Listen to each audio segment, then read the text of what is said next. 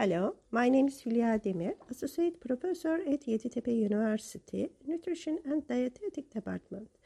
NUT 116, Food Chemistry and Practices 2.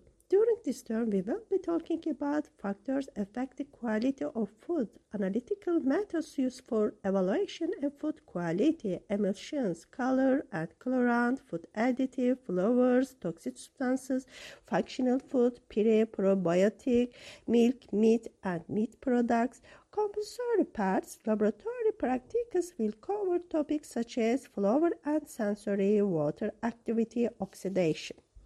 During this course, I am going to apply all the related files to the Moodle system of the university. I expect all my students to follow this platform to be in interact with me all time.